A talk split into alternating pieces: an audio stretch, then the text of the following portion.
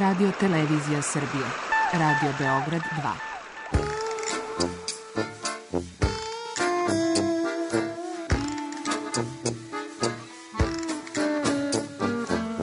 Rekli su mi, gospodine, vi ste promašili temu. Pa ja sam onda promašio život. I ne znam šta će da bude sam. Kaže, ja ne mogu više te čuvam. Šta da ti radi, kaže. Snađi se kako znaš. Mi smo kao u kafesu. Za nas to je najmrtvo. To je mrtvo za nas. Naročito. I ja bih želela neko da me usvoji. Da bih želela. Govori da bih te video.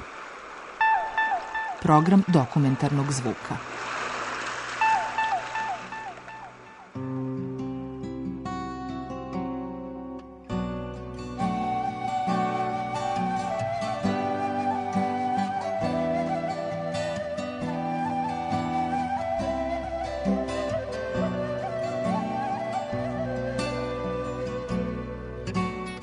Znaš kako, od malena sam bila svesna svoje religije jer su moji praktikovali veru.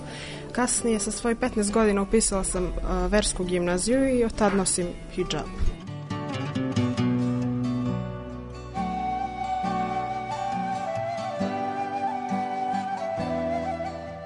Selma Mekić živi u Novom pazaru.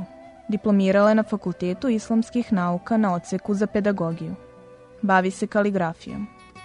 Slušate reportažu Selma Mekić između tradicionalnog i savremenog sveta.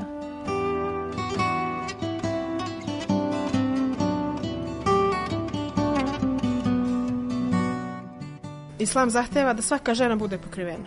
Međutim, sve dok žena ne bude spremna na taj korak, ne treba po svaku cenu da bude pokrivena. Jednostavno, mislim da treba taj neki moment da se desi presudan kad ćeš ti stvarno da shvatiš da ti to hoćeš i da si ti za to spreman. E, Ima situacija, nažalost, gde se žene pokriju i onda nakon nekog vremena se otkriju. Meni je to mnogo teže nego biti otkriven, otkrivena i čekati taj neki moment za taj čin. Neko može biti i pokriven i ovako i onako. Ako ne predstavljaš na pravi način i svoju veru i ako nisi čovek, nažalost, samo si loš predstavnik svoje religije.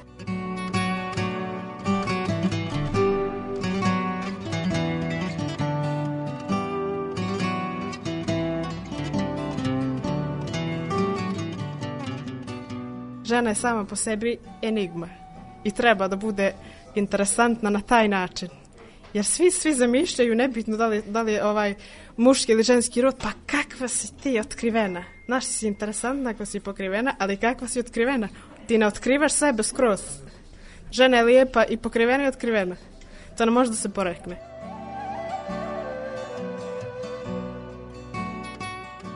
Neko smatra da žena samim tim što je pokrivena, da je njoj uskraćeno mnogo što šta u životu. Ja se pitam, a šta je to uskraćeno? Pitam se šta? Gel gör beni beni aşk Ready, there, there,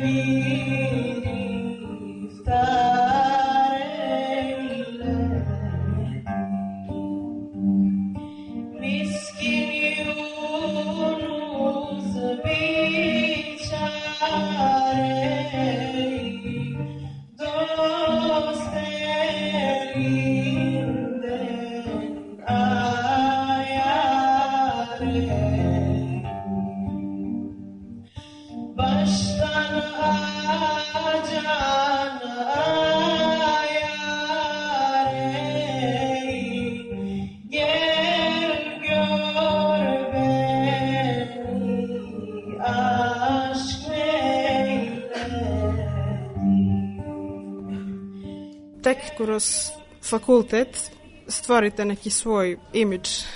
Šta ja znam, ja imam onako neki prepoznatljiv stil. Možda je nekom dobar primjer, možda nekom nije, možda se nekome sviđa, nekom se ne sviđa, svako ima pravo na svoje mišljenje. Pa ja uvek gledam da smislim neki novi način vezivanja marame. Ne treba mi neki tutorial za to. Zatim ja mnogo volim nositi šalvare i tako te neke neobične stvari, e, neobične boje, spojiti neki boja, nemam problem da ponesem više boja od jedan put, nekad volim da budem onako malo klasično neko odjevanje, možda nekad samo crno, sve zavisi od raspoloženja, od sve to ima uticaje. E sad, neke cure se oblače recimo preferiraju samo crnu boju ili samo sivu boju ili samo brown boju. Pa to nigde ne piše koju boju treba da nosiš. Kao a ne treba da budeš izazovne boje ovako onako. Kakve to ima veze ti možda da obučeš crnu boju i da budeš izazovan. Jel da? To apsolutno nema, nik nema nikakve veze. U svakoj religiji imate one koji su preterano ekstremni u veri, one koji, koji apsolutno nisu, imate onu sredinu. Ja se trudim da budem na, na toj sredini.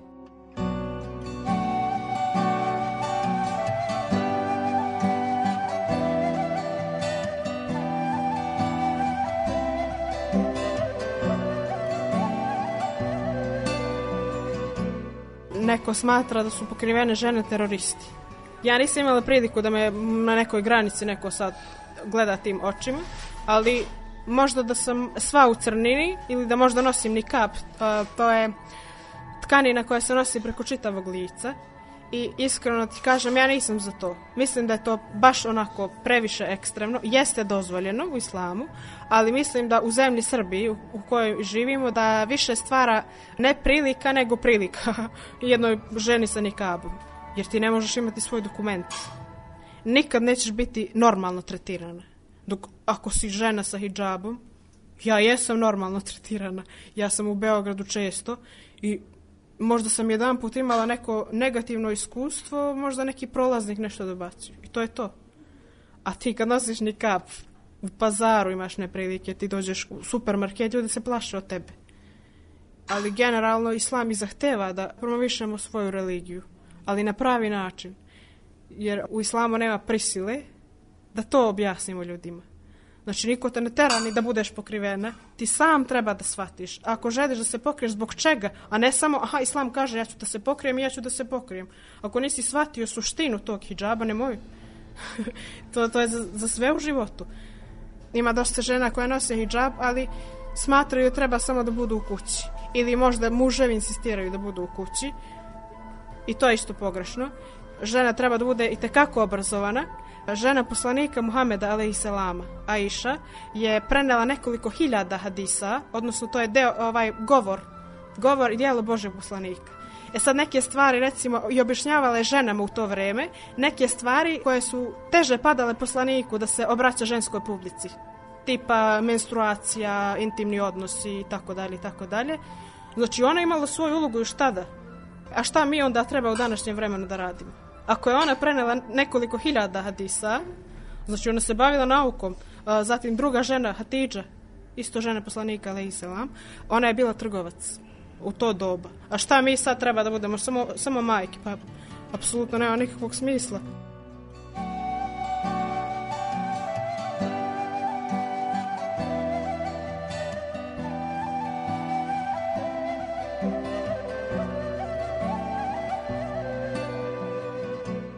Imaš uvek i neke ekstremiste koji možda smatraju da sam ja previše glasna, da se ističem, kako da ja treba da budem, ovaj, da se povučem kao ono, žena treba da bude kući. Ima, imaš takvih. Nikad se neću složiti sa njima bez obzira što smo iste religije. A i neću se složiti ni sa onima koji sad su sa druge strane i govore kao ti nosiš hijab, kao to je zaostalo, to je ovako, to je onako. Mene to apsolutno ne, ne, ne dotiče ovaj, ni ta jedna ni druga strana imam neki svoj put i smatram da je ispravan, to je to.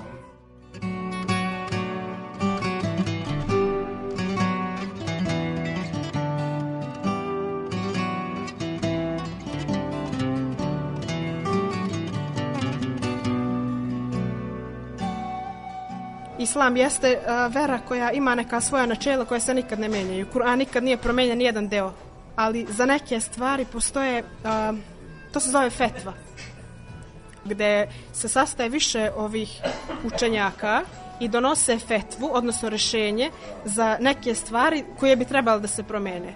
Recimo imaš ljudi koji smatraju poslanik Muhammed Ali Selam je nosio kako se već zovu haljine, onaj ne znam tačan naziv za, za to, nosio je one marame I šta sad mi u Srbiji tokom zime treba tako da se oblačimo, jel? Zato što smo muslimani. Ne treba. Jednostavno moraš da se uskladiš prema vremenskim uslovima. Neko to previše bukvalno svata.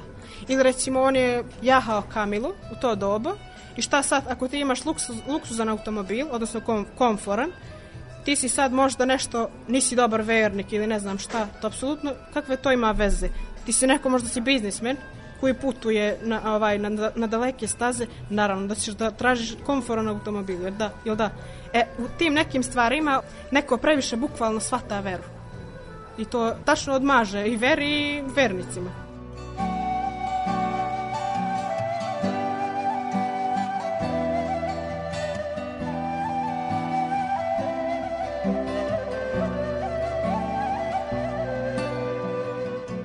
Mislim da se svaka žena danas šminka. to je prosto nemoguće da vidi ženu bez šminke redko kad. Tako da, eto, ako neko nađe neki ajet, odnosno odlomak iz Kur'ana gde se zabranjuje šminka, ja ću da kažem, ok, neću više da se šminkam. Tako da je to onako, da kažem, eh, jedna stvar za koju mi stalno skreću pažnju, jer nemaju, ne znaju šta će drugo, pa ono kao, aha, pa ona se šminka. Pa zar toliko stvari koje pokušavam da predstavim na neki najlepši mogući način, ono, ti od svega toga vidiš, pa ona se šminka.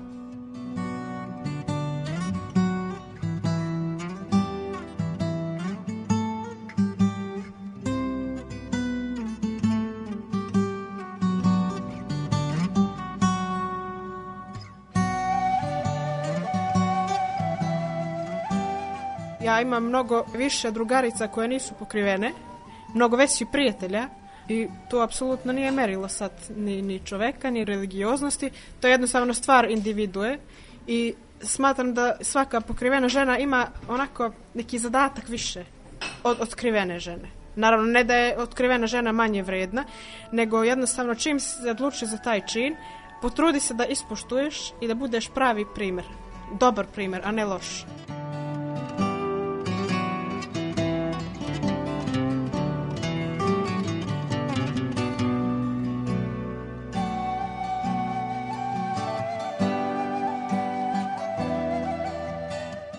Imam taj neki svoj put, bavim se umetnošću, bavim se politikom, završila sam fakultet, volim modu, volim muziku, volim svašta nešto, ali tačno znam neke granice koje, preko kojih nikad ne idem.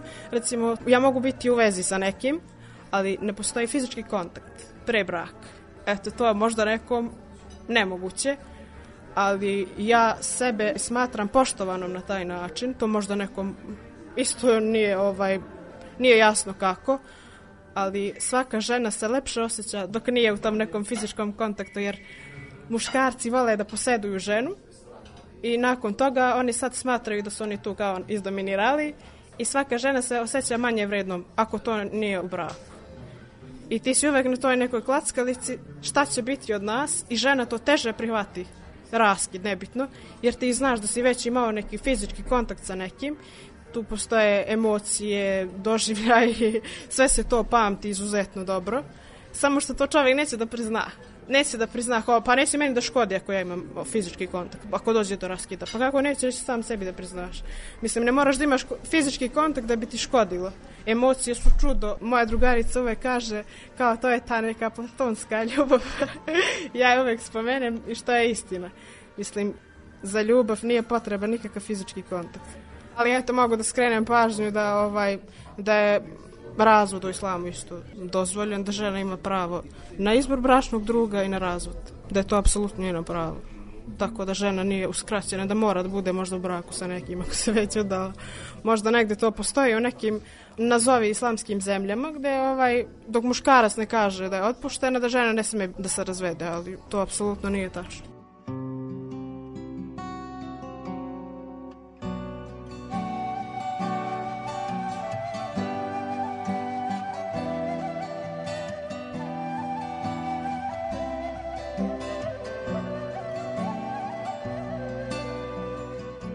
Neke predrasude prosto postoje od uvek. Apsolutno nije potreban nikakav ekstremistički gest da bi sad kod nekog izazvalo neku predrasudu ili neko mišljenje. E sad naravno svi ti neki ek ekstremistički potezi povećavaju tu dozu predrasuda.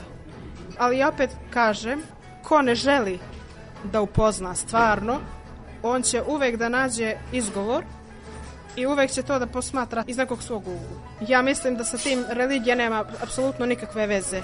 Jer kao što sam navela, u islamu nema prisile. I sve što se radi na neki nasilan način, to nije islam. Sve jeste, samo islam nije. Da li je neka sekta ili šta već, islam ne propagira nasilje. Ali se vezuje ovaj, i tekako to nasilje uz islam. Možda neko misli da ću ja da bacim bombu ako odem na neki aerodrom. Sigurno ima ljudi koji me tako posmatraju. To me ovaj, na neki način i boli ta činjenica, ali prosto nekim ljudima možda nikad nećeš da izbiješ iz glave sve te predrasude i mislim da nasilje nema veze ni sa jednom religijom. Ne znam koja religija propagira nasilje. Koliko god da smo različiti, mislim da svi imamo jednu zajedničku tačku i tekako imamo, ne jednu, nego više. E sad, svaka religija na svoj način to prezentuje. Recimo imamo poslanike, kod vas je Mojsije, kod nas je Musa, ali selam. Kod vas je Adam, kod nas je Adem. Kod vas je Isus, kod nas je Isa. I ovaj, kod nas je Isus, odnosno Isa, ali selam, izuzetno poštovan kao poslanik. I sve to neka, ne, neko dopunjavanje i povezivanje. Kod nas Isa, ali selam, je došao da ovaj, upotpuni misiju Mojsija, odnosno Musa, alaihisselama, i da najavi Muhameda, alaihisselama. I ovaj, to ne može niko da porekne. Neke stvari do skoro ni ja nisam znala. Međutim, za poslednji ispit, metodika nastave, imala sam čas, tema Islam i hrišćanstvo. To je bilo onako neka komparacija, poređenje. I onda ima ta neka piramida. Kreće od Abrahama, odnosno Ibrahima, i on imao sinove Ishaka i Ismaila. I od jednog poslanika dolaze jevreji i kršćani, a od drugog Mohamed. I svi smo mi jedno. Samo što ne želimo da znamo to i nećemo nikad da se povežemo.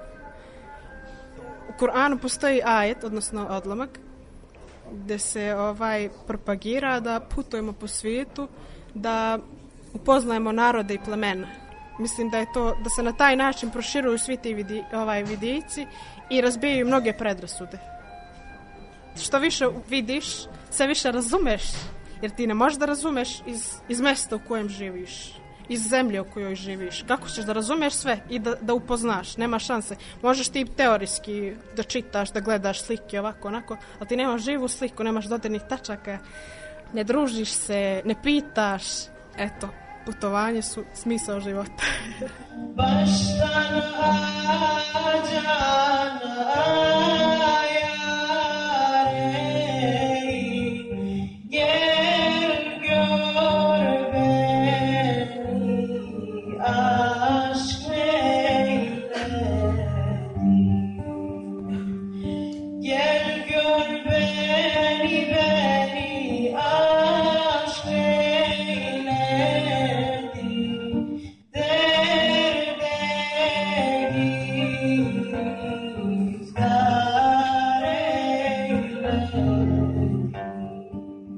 Kaligrafija zapravo znači krasnopis. Tako da postoji arapska kaligrafija, kineska kaligrafija, grčka kaligrafija, kaligrafija, ćirilica, latinica, sve je to krasnopis, odnosno umjetničko ispisivanje određenog pisma. Ja sam kaligrafijom počela da se bavim od prve godine srednje škole, jer sam naučila čitati i pisati arapski jezik, a likovna kultura mi je bila omiljeni predmet u osnovnoj školi. Međutim, u srednjoj školi nisam imala taj predmet, ali naravno ljubav prema crtanju nikad ne prestaje i onda sam ja tražila način da nastavim tu svoju ljubav prema likovnoj kulturi. Pokušavala sam a, izvesti neki umetnički oblik, kaligrafski, na neki svoj način. Jer kaligrafija izuzetno dominira u džamijama, pošto u džamijama ne postoje freske, ko što postoje u crkvama, zabranjeni su likovi generalno. Trebalo mi je pa jedno dve godine, dok sam od jednog natpisa izvela nešto što ima smisla. Moja drugarica studira novinarstvo u Turskoj i onda je ona meni rekla da postoji privatni kurs kaligrafije gde bi ona meni bila prevodilac, prevodila bi mi sa turskog na srpski jezik I onda to je bilo kao neko carstvo. E, taj atelje tog profesora je bio fenomenalan. To nisu bili obični časovi, to je bilo, ne znam, kuvanje kafe, krosani, muzika. Ovaj, pokazivao mi je više, osim kaligrafije, pokazivao mi je i ebru umetnost, to je umetnost na vodi. Pokazivao mi je takođe ebru umetnost na drvetu. Pokazivao mi je slikanje na staklu. Tako da je to stvarno bilo jedno fenomenalno iskustvo. Taj profesor mi je pomogao da kreiram taj neki svoj stil, da ga oblikujem malo lepše i da promenim tehniku. Onda na, nakon toga dolazi prva samostalna izložba koja se održala u Novom pazaru. Jednostavno želela sam da počnem od, od svog rada, od svoje čaršije. Imala sam uh, izložbu i u Teheranu. Znamo da je Teheran centar kulture i umetnosti. Tu je bilo više umetnika, uh, bilo je umetnika iz Malezije, Kine, Iraka, Libije, Bahreina, Turske i samim tim da sam bila na jednom mestu sa svim tim velikim umetnicima. Ja sam bila jedna od najmlađih. Jedini ženski kaligraf iz svijeta, međutim bilo je kaligrafa iz, iz Irana, recimo tu koje su njiho, ovaj, njihove.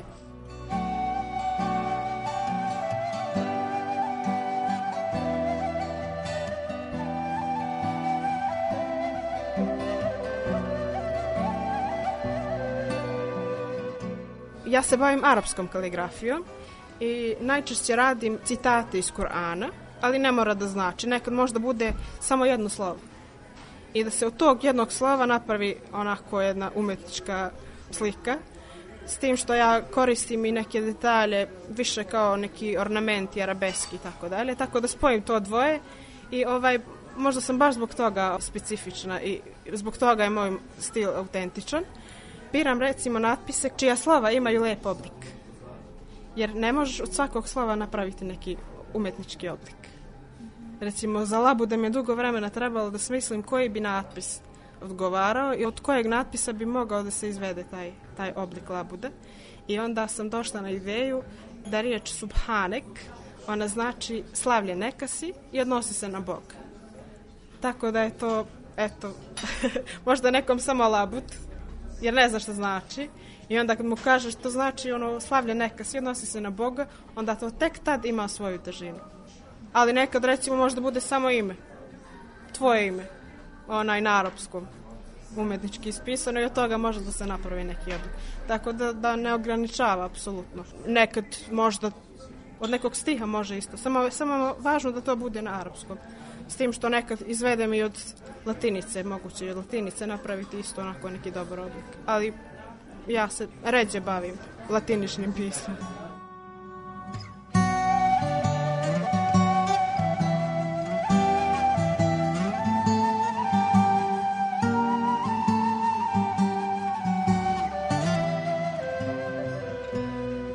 Pa iskreno ti kažem, ja svoj grad volim.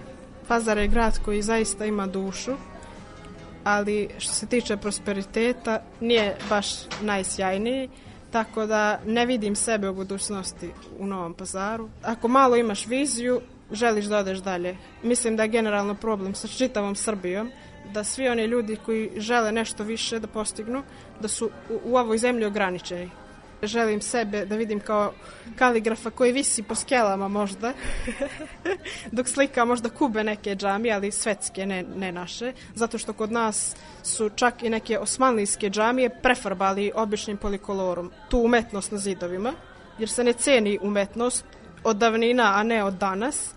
Mislim, polikolorom prekrečena džamija i prije 500 godina, to je meni toliko bolno da ja prosto nemam riječi. Altunali, Mlejlik džamija, to je džamija u Prvomajsku, to je jedna od najstarijih džamija.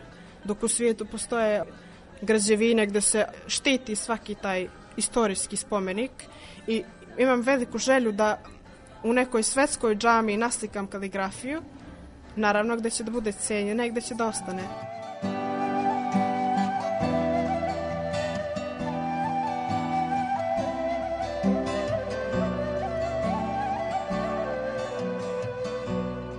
Životu je potrebno napraviti balans između ovog i onog svijeta. I svi znamo da postoji raj i pakao. Kod nas se to kaže dženet i džehennem. I ovaj, ne možemo mi samo da, da, da provedemo svoj život razmišljajući za dženet i džehennem, za raj i pakao. već moramo svo to neko vrijeme da živimo i da radimo nešto za sebe i za zajednicu i a, da ostavimo posle svoje smrti nešto po čemu ćemo biti zapamćeni i čime će se služiti te neke generacije koje ostaju iza nas. Mislim da je to jedan pun pogodak. Recimo ja na društvenim mrežama imam nekih 24.000 pratilaca, da kažem to mi je neka publika gde ima i muslimana i nemuslimana i pokriveni i otkrivenih žena i ovaj svi oni prate taj neki moj rad da li je u pitanju politika, da li umetnost, da li obrazovanje i tako dalje i tako dalje. Nekad znam i da se našalim, jednostavno želim da budem neko ko je svestran na neki svoj način. I ovaj, tačno su te društvene mreže mač sa dve oštrice. Kako ko doživljava. I možeš nešto da, da uradiš ili da ne uradiš. I meni je važno da ostavim pozitivan utisak, a na negativne komentare trudim se maksimalno ovaj da se ne obazirem.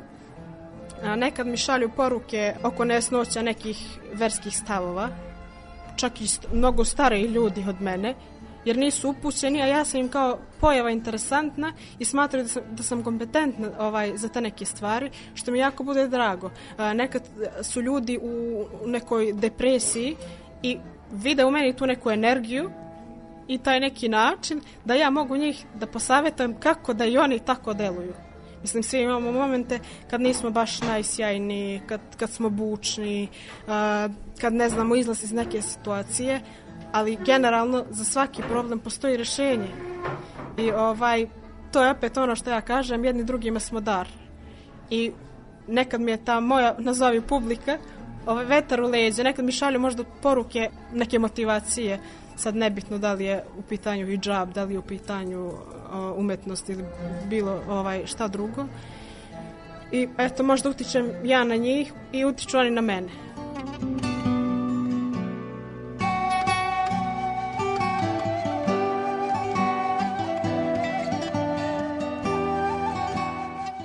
Pravoslavci i muslimani u Novom pazaru funkcionišu na jedan onako specifičan način.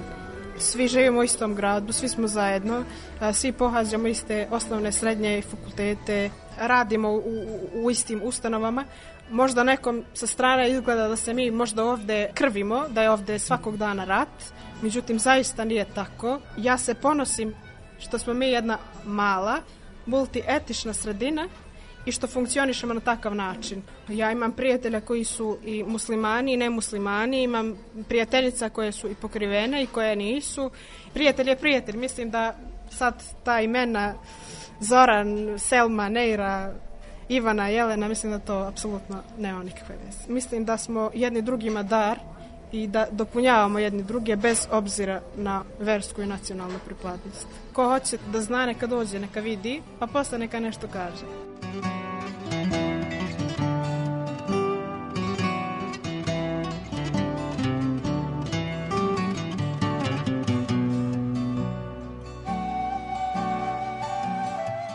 Slušali ste dokumentarnu reportažu Selma Mekić između tradicionalnog i savremenog sveta. Autor Milana Radić, ton majstor Ivan Lukić.